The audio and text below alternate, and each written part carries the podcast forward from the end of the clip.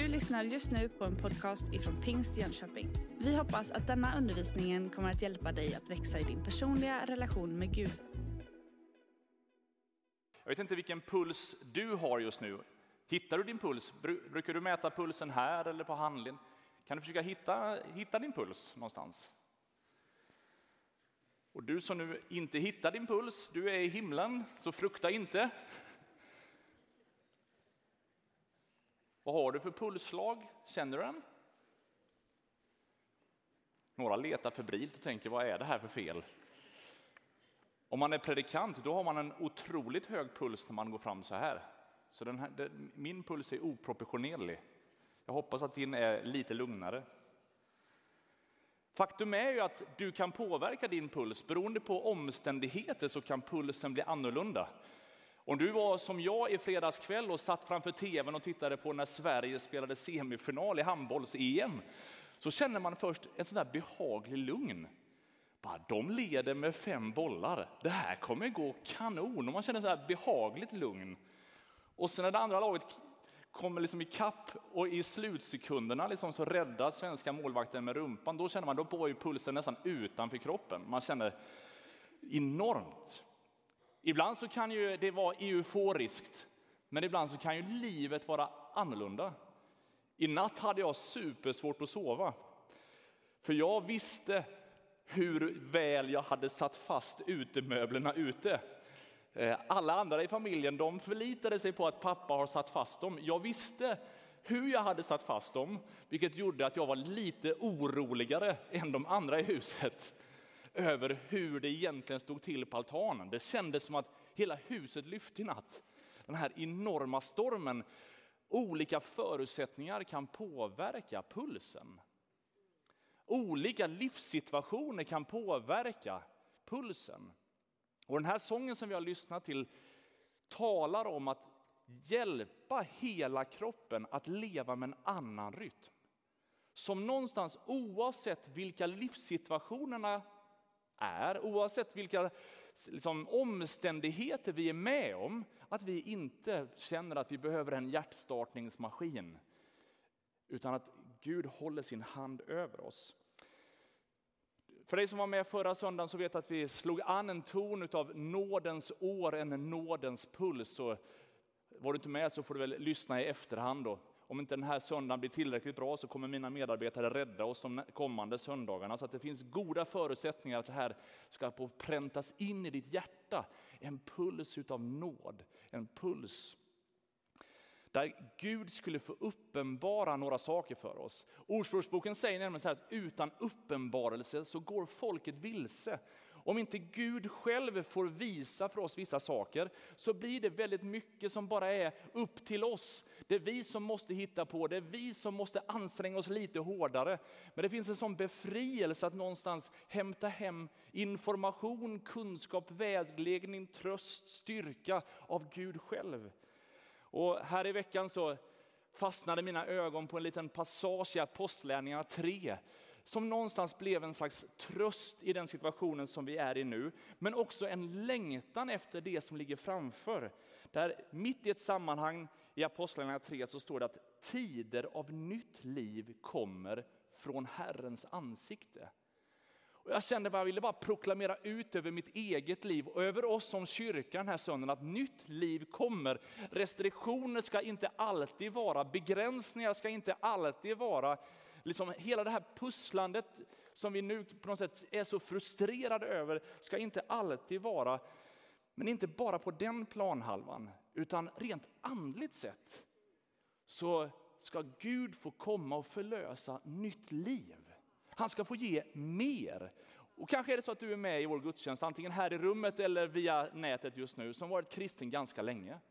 Det finns ganska många bibeltexter du har hört många gånger. Det finns ganska många situationer och sånger som du kan utan till och Du kan berätta minnen från fornstora dagar och du har allt liksom möjliga söndagsskolberättelser som du kan plocka fram när det behövs. Men du behöver inte leva på gårdagens välsignelser, utan du kan idag få uppleva att nytt liv kommer till dig. Kanske är det så att det var länge sedan som du levde i det där flödet, där du kände att på något sätt gudsrelationen var så där nära och självklar, att du den här söndagen skulle få uppleva en förnyelse i den heliga Ande. Jesus han proklamerar i sitt inledningstal i Lukas 4 så här att Herrens ande är över mig, för han har smort mig att förkunna glädjens budskap för de fattiga. Han har sänt mig att utropa frihet för de fångna och syn för de blinda, att ge de förtryckta frihet och förkunna ett nådens år från Herren. Idag har det här stället gått i uppfyllelse inför er som lyssnar. Alla berömde honom och förundrades över de nådens ord som kom från hans mun. Åh, vad jag skulle önska att du den här gudstjänsten fick uppleva att nådens ord fick komma in över ditt liv, fick skölja in till befrielse. Och jag, jag kände sån nöd i vår dopkandidats längtan efter frihet, befrielse. Och tänker låt oss alla få leva med den där längtan efter att bara, Gud, jag vill ha det nya livet i dig. Låt ingenting av det som vill fånga mig, binda mig, frukt, bind, liksom hålla mig tillbaka, utan att jag får vara fri. Ett nådens år. Ett nådens år är inget mesigt år utan det är fullt av kraft. Det var ju frihet för de fångna, syn för de blinda. Ja, det var förtryckta skulle få frihet. Det är med kraft som det här året på något sätt ska få hända. Jag skulle också vilja säga att nådens år innebär inte någon form av motsatsförhållande till sanning och rättfärdighet.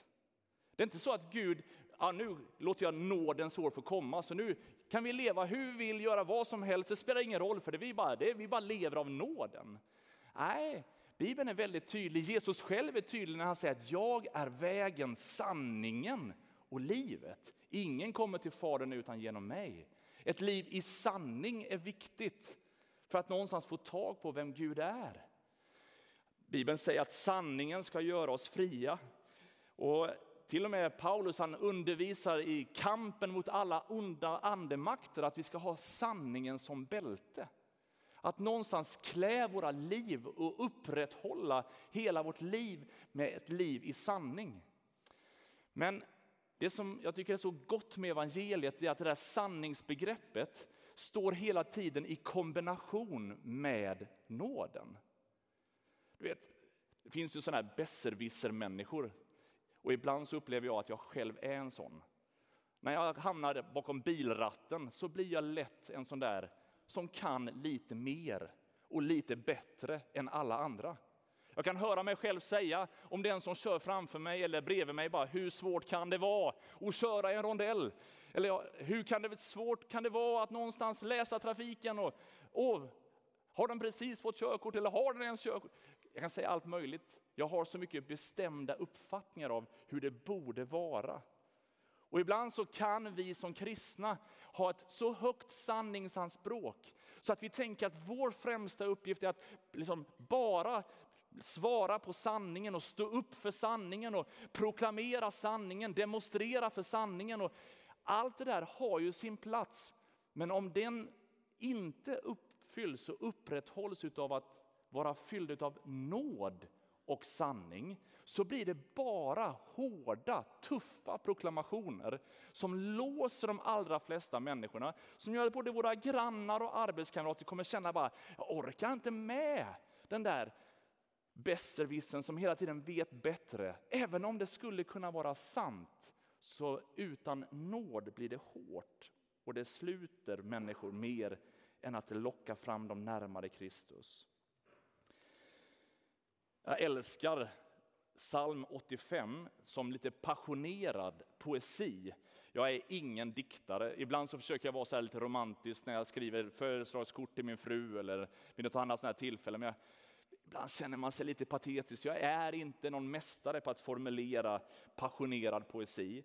Men här sjunger psalmisten så här i psalm 85. Herre, visa oss din nåd och ge oss din frälsning. Jag vill höra vad Gud, Herren, talar. Han talar frid till sitt folk, till sina trogna. Men de får inte gå tillbaka till dårskap. Ja, hans frälsning är nära dem som vördar honom för att härlighet ska bo i vårt land. nåd och sanning ska mötas.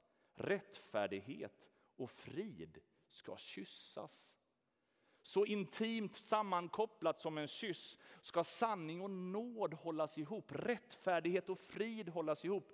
Så när vi talar om ett nådens år så är det inte att vi skyler över allt det där som på något sätt är orätt, utan vi tror ju på att vi ska leva i sanningen, leva i renheten, sträva efter ett liv i Guds fruktan och efter hans helighet. Men vi gör det i samma andetag en längtan efter att Guds nåd och kärlek ska få strömma över oss. Och texten som vi ska utgå från i den här predikan är från andra Korinthierbrevet. Så har du din bibel med dig så får du gärna slå upp andra Korinthierbrevet så kan vi stå upp tillsammans och läsa från kapitel 12. Andra Korinthierbrevet kapitel 12. Är ni redo? Jag måste berömma mig trots att det inte hjälper. Nu kommer jag till syner och uppenbarelser från Herren. Jag vet en man i Kristus som för 14 år sedan blev uppryckt ända till tredje himlen. Om det var i kroppen eller utanför kroppen vet jag inte. Gud vet. Jag vet att den mannen, om det var i kroppen eller utanför kroppen vet jag inte. Gud vet, blev uppryckt till paradiset och fick höra ord som ingen människa kan, kan eller får uttala. Den mannen vill jag berömma mig av. Men av mig själv vill jag inte berömma mig, utom av min svaghet. Om jag ville berömma mig vore jag ändå ingen dåre. Jag skulle bara säga sanningen. Men jag avstår för att ingen ska tänka högre om mig än man gör när man ser eller hör mig. Och för att jag inte ska förhäva mig efter dessa väldiga uppenbarelser har jag fått en tagg i köttet. En ängel från Satan som ska slå mig så att jag inte förhäver mig. Tre gånger har jag bett Herren och den ska lämna mig. Men han svarade mig, min nåd är nog för dig, för min kraft fullkomnas i svaghet. Därför vill jag hellre berömma mig av min svaghet, för att Kristi kraft ska vila över mig. Och därför glädjer jag mig över min svaghet, misshandel, nöd, förföljelser och ångest för Kristi skull. För när jag är svag, då är jag stark. Ska vi be en bön tillsammans? Herre, jag tackar dig för förmånen att få läsa ditt ord. Tackar dig för att, ditt, att, du kommer oss till mötes den här söndagen och vill uppmuntra oss, vägleda oss i det som vi har just nu och det som vi har framför oss. Herre, jag ber att ditt ord skulle tala till oss. Jag ber att du skulle hjälpa oss att förstå ännu mer vem du är och vad du vill göra i och genom oss. Herre, jag ber att det här året som ligger framför oss skulle få vara ett år av nåd. Där din nådepuls skulle slå genom våra ådror, Herre. Herre, du vet allting som rör sig i vårt samhälle, både kring pandemi, kring politisk instabilitet, oro i Ryssland, och Ukraina. Ja, vi kan lista så många saker som är problematiska och svåra. Men Herre, tack Gud för att du möter oss där vi är. Oavsett om det är stora världsfrågor eller om det är mer personliga utmaningar som ohälsa, relationsproblem eller arbetssituationer. Tack Gud för att vi får komma precis som vi är och famnas utav dina allsmäktiga och barmhärtiga händer. I Jesu namn. Amen. Amen. Varsågod och slå dig ner. Hela den här bibeltexten ju, har ju många olika variabler som är lite speciella. För att sätta den lite grann i sitt sammanhang så är församlingen i Korint de är i någon form av lite halvupprorisk tillstånd. Ganska många i den där bygden och trakten som försöker visa sin andlighet och vara lite för mer än andra. Var lite andligare, var lite bättre. Och man ifrågasätter en del av vem Paulus är. Vem är du som försöker lära oss? Ska du verkligen säga till oss att? Och så vill man gärna själv visa hur duktig man är, hur helig man är, hur stor man är. Och lite grann av ett försvarstal hamnar vi mitt i här. Där Paulus någonstans försöker förklara några olika variabler. Och I kapitlen innan så förstår vi att han håller på och argumenterar om en del av de här situationerna. Jakten på berömmelse. Jag skulle ju önska att det var någonting som bara präglade de kristna för 2000 år sedan. Men det verkar följa människan hela tiden. Att någonstans vara någonting större än vad man är. Att försöka någonstans visa ett bättre jag än vad man har täckning för. Det känns som att Instagram och Facebook rider på en våg som egentligen har funnits sedan urminnes tider. Jag vill på något sätt bli bekräftad. Jag vill bli synlig. Och varje gång som jag lägger ut någonting på mina sociala medier så väljer jag filter och positioner och vrider på kameran så att det ska bli lite bättre än vad det egentligen är. Till och med jag som är begränsad i köket kan ju få till en bra bild på en läcker måltid. För det är ju ingen som behöver smaka på bilden, de kan ju bara se hur den ser ut. Och eftersom man äter delvis med ögat så kan det på något sätt ändå kompensera brist på en del annat på tallriken. Här går Paulus till rätta och säger att Nej, men det här är inte så som det kristna livet är tänkt. Det är inte meningen att någonstans vi ska slå oss för bröstet och säga hur bra vi själva är, vad jag kan och vad jag på något sätt förmår och kan prestera. I Galaterbrevet så undervisar faktiskt Paulus och säger att man kan falla ur nåden. Lika nådefull som Gud är så kan man faktiskt falla ur den. Och det händer, säger han, så här. Var och en som låter omskära sig är skyldig att hålla hela lagen. Ni har kommit bort från Kristus, ni som försöker bli rättfärdiga genom lagen. Ni har fallit ur nåden. Med andra ord, den gången som vi tänker, amen, jag kan det här. Nu ska jag med min präktighet, med min duktighet, med mina egna, mitt sätt att leva mitt liv. Nu ska jag liksom visa att jag, jag, jag kan på något sätt ta hand om det här själv. Så omöjlig jag gör för mig själv. Och någonstans så kommer jag till korta och på det sättet så förlorar nådens kraft över mitt liv. I den här textens inledning så visar ju Paulus och han beskriver att han berättar, han talar om sig själv i tredje person. Det en, kan vi ha en egen predikan om. Det är han och Zlatan på något sätt som talar om sig själva på det sättet.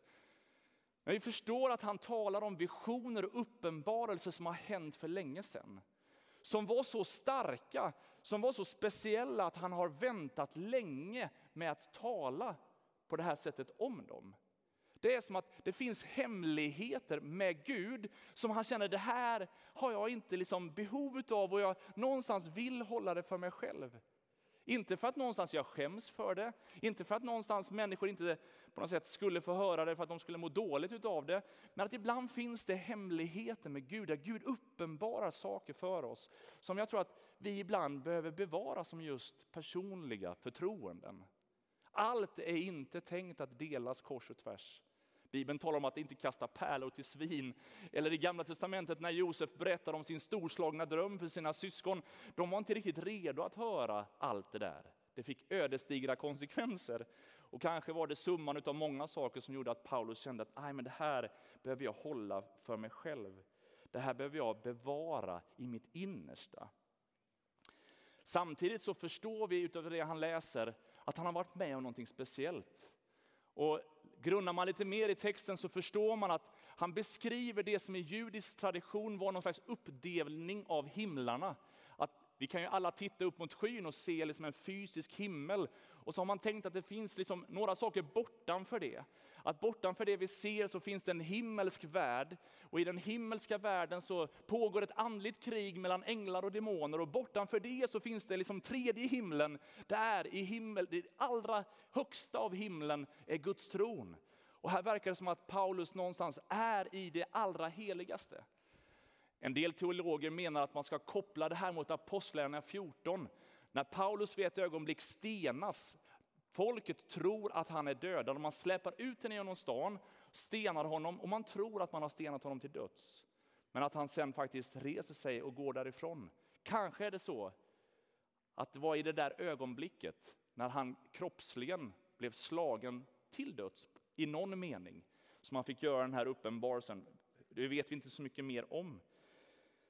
Men det verkar som att himmelska visioner och uppenbarelser absolut ska förväntas av ledare, förväntas av kristna lärjungar. Men det finns en del saker där Gud vill locka oss till att själv bara uppenbara saker för oss. Att någonstans låta det få bli lite sådana här hemliga saker. Inte för att han än en gång vill hålla det dolt i någon slags märklig mening, utan just av förtroenden. Jag skulle bara vilja utmana dig det här året att låta Gud få tala förtroendefullt till dig. Att Gud skulle få uppenbara sig själv, sin närvaro och sitt liv till dig på ett sådant sätt som gör att du verkligen känner att han är dig nära. I den här textens fortsättning så kommer nästa steg att det är en tagg i köttet som någonstans ligger i vägen. Jag har de här uppenbarelserna, jag har varit med om det här storslagna, men det finns en tagg i köttet som hela tiden ligger emot. Det här är ett begrepp som vi alla någonstans kan ha erfarenhet utav. Där vi kanske skulle önska att saker var på ett sätt, men det finns någonting som hämmar oss. När man i, genom hela den bibliska historien, eller kyrkohistorien, har försökt att någonstans analysera det här, så har man haft alla möjliga teorier. Vad är det för tagg som Paulus talar om? Och man har försökt att tänka, är det en fysisk sjukdom? Är det så att han var begränsad av någonting? Var det liksom det ena med det tredje? Och man har liksom försökt analysera. Och för att bara bespara dig lite tid så kan jag bara konstatera att ingen vet. Så man kan ha många olika teorier, men det finns ingen faktiskt som kan säga vad exakt Paulus ger uttryck för. Vad är det han på något sätt eh, rent specifikt tänker på? Och kanske är det just för att du och jag ska kunna känna igen oss i den här berättelsen. Om det hade varit en specifik sak så hade det varit lätt för oss att säga, ja, ja men jag har inte det problemet så då kör jag bara på här. Men jag tror att vi alla kan ha några olika utmaningar. Den där taggen är som en knivsudd som skär in. Det kan vara både en fysisk stark smärta, men det kan också vara som en militärisk form av ett hinder, någonting som står emot, någonting som begränsar dig, en mur. Flera andra bibeltexter så används den här metaforen när Gud vill expandera sitt rike och fiendearmé står emot så är det just det där ordet, det hindrar evangeliet. Och på grund av att det hindrar evangeliet så framställs det som sataniskt. Och det här med onda andar, djävulen och demoner, det är liksom inte det vi kanske pratar mest om. Av många skäl kanske. En del är att djävulen förtjänar inte så mycket uppmärksamhet, så det är bäst att på något sätt bara låta honom vara. Men en del av det behöver vi ibland bara stanna upp och konstatera att det finns en andlig verklighet. När vi talar ut frihet för de fångna så är det inte bara att hjälpa människor ut ur en fysisk sjukdom utan det finns ibland ett andligt betryck. I Fesebrevet så undervisar Paulus om att det finns en andlig kamp som påverkar hela mänskligheten. Där andekrafter i himlarymderna försöker attackera så vi behöver strida emot det. Och I Danielsboken så får vi många intressanta paralleller utav ett, ett andligt krig som pågår. Och när Daniel inte får bönesvaret direkt så säger Gabriel, ah, men du, redan när du började be så utgick befallning från himlen att jag skulle komma till dig. Men på grund av den andliga kampen så har vi liksom fått strida lite där först, så jag är lite försenad. Men så kom eh, ärkeängeln Mikael till min hjälp och, och då så gick det lättare. Och så börjar man bara inse där mellan raderna att oj, det finns massa saker här som inte hör till den fysiska världen, men som ändå påverkar den. Det finns en, en andlig kamp som ibland påverkar, berövar oss frimodighet eller kraft. Och här behöver vi också förstå att det ibland, ibland kan livet innehålla en sån tagg. Ibland kan livet vara lite besvärligt. Och frågan är vad som händer med vår kristna tro när den taggen är där. En liten tagg kan ju vara, precis som jag sa, en liten tagg. Om du någon gång har hållit på i trädgården och fått in någon slags rosenbusktagg innanför nageln, har du varit med om det någon gång? En fruktansvärd upplevelse. Det är ju sånt som gör att man på något sätt känner att hela det här med trädgårdsarbete, det är totalt överskattat. Ser mysigt ut när Ernst håller på där i sitt sommarprogram. Men när man själv försöker så känner man, nej det här, en tagg under nageln gör både fruktansvärt ont, en, skapar en enorm smärta och begränsning. Är verkligen påtaglig. Och jag tror att vi alla kan byta ut taggen av en rosenbuske till att göra den till någonting annat i våra liv. Det Paulus ändå är noga med att säga är att den här taggen är inte någonting som han själv har åstadkommit, utan jag har fått en tagg, den är, den är given. Vilket innebär att det inte är hans liv som har orsakat den. Och här tror jag att vi behöver balansera, för att ibland så är vi med om tuffa saker på grund av våra egna beslut. Och vi måste på något sätt bli bemyndigade vårt eget ansvar. Vi kan inte bara skylla allt på Gud eller allt på djävulen, utan en del saker handlar om vad vi gör, vad vi väljer att göra eller inte göra. Men här verkar det ändå, trots att Gud är med honom, trots att han gör rätt saker, så verkar det ändå vara en kamp, ett motstånd som han inte blir av med.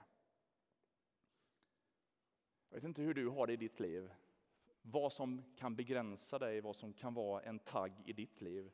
Faktum är att Paulus han ber ju tre gånger om, ta den här taggen ifrån mig, låt mig få slippa det här.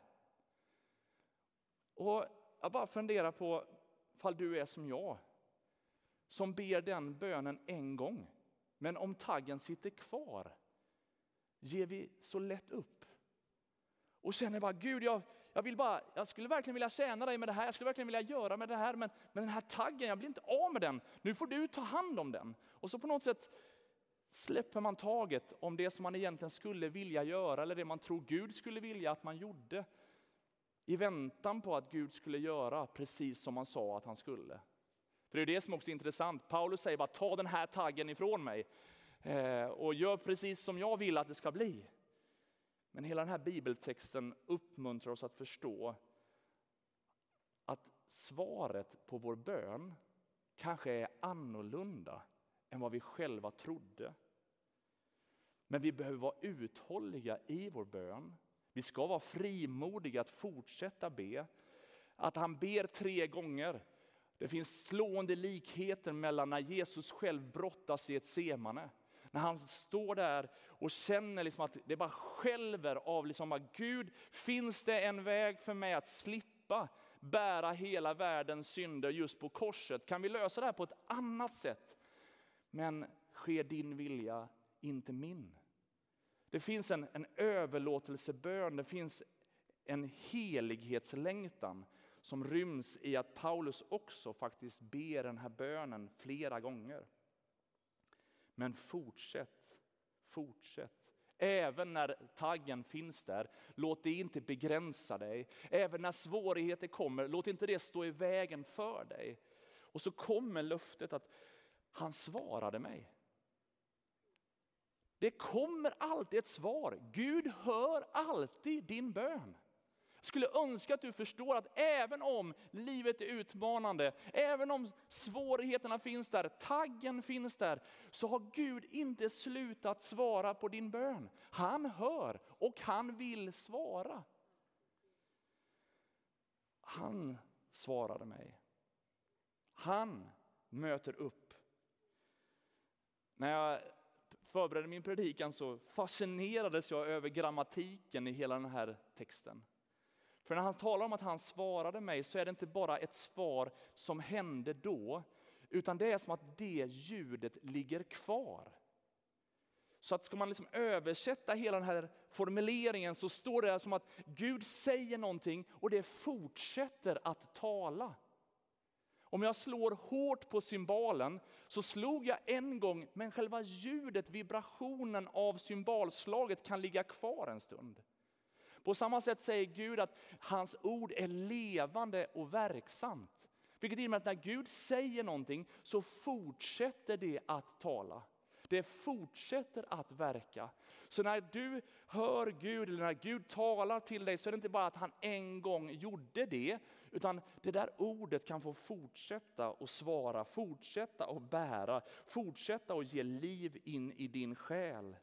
I Bibelns sista bok så utmanas vi att du som har öron hör vad anden säger till församlingen. Jag tror att Gud verkligen vill tala. Han har inte tystnat, han vill inte hålla sina ord hemliga från dig. Han vill tala. Frågan är bara om du är beredd att lyssna. Eller om vi är upptagna med vår egen berömmelse, att någonstans framhäva oss själva. Eller om vi bara är upptagna med att svaret ska komma precis som vi önskade. Kanske Gud gör på ett annat sätt. Och det är precis det som Paulus får vara med om. När han svarar, min nåd är nog för dig. Det är ju inte drömsvaret, eller hur? Man känner att man går och bär på något problem, man går och bär på någonting man tycker det här är en svårighet, det här är ett hinder. Gud befria mig från det här. Och Gud svarar och man tänker bara yes, nu svarar han, nu kommer det. Min nåd är allt du behöver. Ja, men jag vill ju bli av med den här grejen. Var inte det här vår liksom, ekonomiska grej? Att ja, jag tjänar dig och så befriar du mig från det här. Nej, Guds matematik är annorlunda. Guds svar var annorlunda. Min nåd är nog för dig. Än en gång så förstår vi att då måste ju nåden vara en verksam kraft. Hur skulle nåden kunna vara mesigt eller livlöst eller bara ha med himlen att göra om, det ska kunna, om jag ska kunna utstå den här taggen, den här motståndet eller de här svårigheterna? Jag minns för några år sedan vi hade besök av en pastor från Iran, pastor Reza, som var här och hälsade på. Och så satt vi tillsammans nere i backstage med personalen och vi fick ställa lite frågor om Iran och om honom. Och och så började vi prata om när han kom till tro. Och så försökte vi förklara, liksom, var, är det inte tufft liksom att på något sätt vara kristen och leva med den här förföljelsen med alla dödshot som på något sätt kommer för att du är, bor i Iran?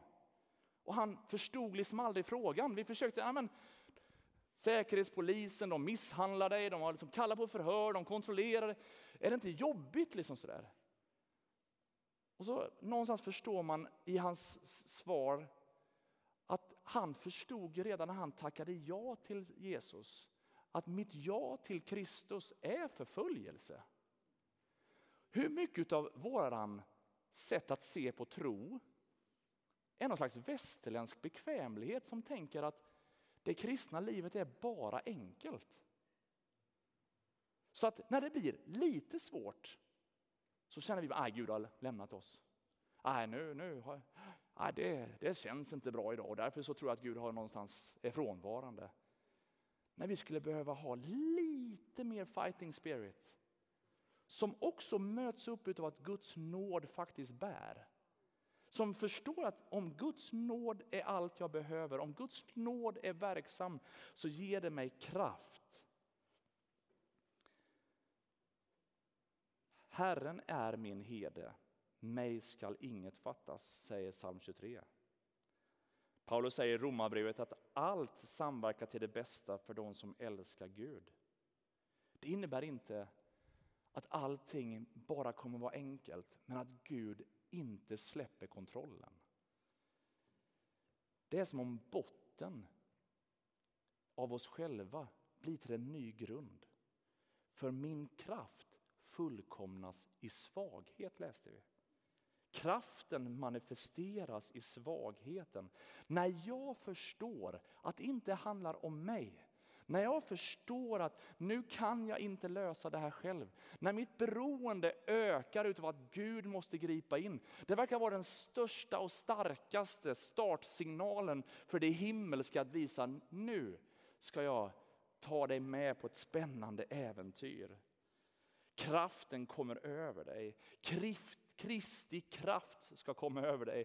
Och när du läser den här texten så förstår du att då är det inte bara lite uppmuntran, lite peptalk som säger kom igen, lite till, du orkar ett snäpp till. Utan det är uppståndelsekraften, att samma kraft som uppväckte Jesus från de döda, nu kommer samma kraft in över ditt liv.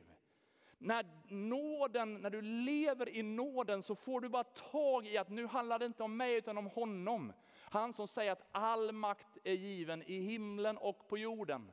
Han ska vara med med sin kraft. Och det är samma formuleringar som Jesus själv använder när han lovar sina lärjungar att ska, ni ska få kraft när den heliga ande kommer över er. Så att ni kan bli mina vittnen. Apostlagärningarna 1.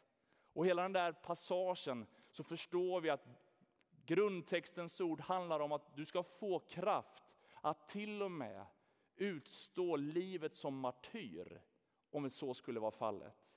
Och då inser vi att den här taggen och beroendet av nåden någonstans faktiskt samverkar. Det verkar vara en dynamik som formar oss, som får oss till att ännu mer lita på Gud. Och den, så säger han att den här kraften, Kristi kraft, ska vila över oss. Här använder han samma bildspråk som i Gamla Testamentet när Israels folk var ut ur Egypten, var i det där tabernaklet där Herrens härlighet vilade över. Han, Herrens närvaro var tydligt där i templet. Och sen, det är den där närvaron nu som ska få prägla dig. Som innebär att oavsett om du sitter i fängelse, oavsett om du är drabbad av förföljelse, oavsett om olika problem i livet uppstår, så ska du få känna att Gud aldrig har lämnat dig. Gud aldrig övergett dig, utan att han är med dig vart du än går. Oavsett i vilken situation du än står. Gud är inte mindre Gud när du får ett tufft sjukdomsbesked. Gud är inte mindre Gud när förföljelse mot hans församling börjar hända över världen. Gud är på tronen och han vill ge sin kraft att gå hela vägen. Det innebär inte att vi inte ska fortsätta söka efter helande och befrielse och att någonstans få slippa den där taggen. Men att någonstans mitt i allt av elände förstå att om hans kraft vilar över oss så har vi allt vi behöver. Kanske att vi skulle längta lite mer efter honom. Så skulle i den längtan kraft förlösas för att hantera alla möjliga utmaningar. För så länge vi är på den här sidan evigheten så kommer ibland svåra tider äga rum. Om du läser Bibelns sista bok så förstår du att den sista tiden blir inte enkel. Oavsett hur vi väljer att läsa de eskatologiska texterna så förstår vi att det kommer vara en hel del utmaningar. Men frukta inte, var inte rädd. För när du är svag, då är du stark. Denna himmelska paradox kan få bli din och min. Jag ska gå mot avslutningen och lovsångsteamet kan komma fram här så ska vi hjälpas åt att någonstans söka Herren tillsammans. Men jag har tänkt så mycket på det här året och så har jag tänkt på den här nådepulsen. Att om den verkligen verkar genom våra hjärtan så innebär det att vi inte behöver frukta någonting av det som ligger framför. Spelar ingen roll vilken konjunktur det är. Spelar ingen roll vilka restriktioner som skulle liksom vara eller inte vara. Det verkar som att Gud kan ge en kraft som är oberoende av det. Och att någonstans inte låta uppmärksamheten gå till allt det där andra som upptar vår uppmärksamhet. Utan någonstans bara Gud, låt mig få hämta kraft hos dig. Låt din kraft få strömma och vila över mig. Låt din närvaro få prägla mitt liv. Låt det som är du ännu mer få ta fäste i mig. Och om vi kunde förstå att det inte handlar om oss utan om honom. Vid några tillfällen i Gamla Testamentet så säger Gud så här, bli stilla och besinna att jag är Gud. Vid ett annat tillfälle säger han, Herren ska strida för er och ni ska hålla er stilla. Min nåd är allt du behöver. Min nåd är nog för dig. I svagheten så fullkomnas kraften. När jag är svag, då är jag stark. När jag inser att det inte handlar om Marcus Ardenfors utan om Jesus Kristus så blir det lättare att leva mitt liv. När jag tror att det inte är jag som ska lösa allting eller jag som ska göra det där eller det där, utan någonstans bara erkänner mitt beroende. Då kommer en kraft som överglänser allting annat.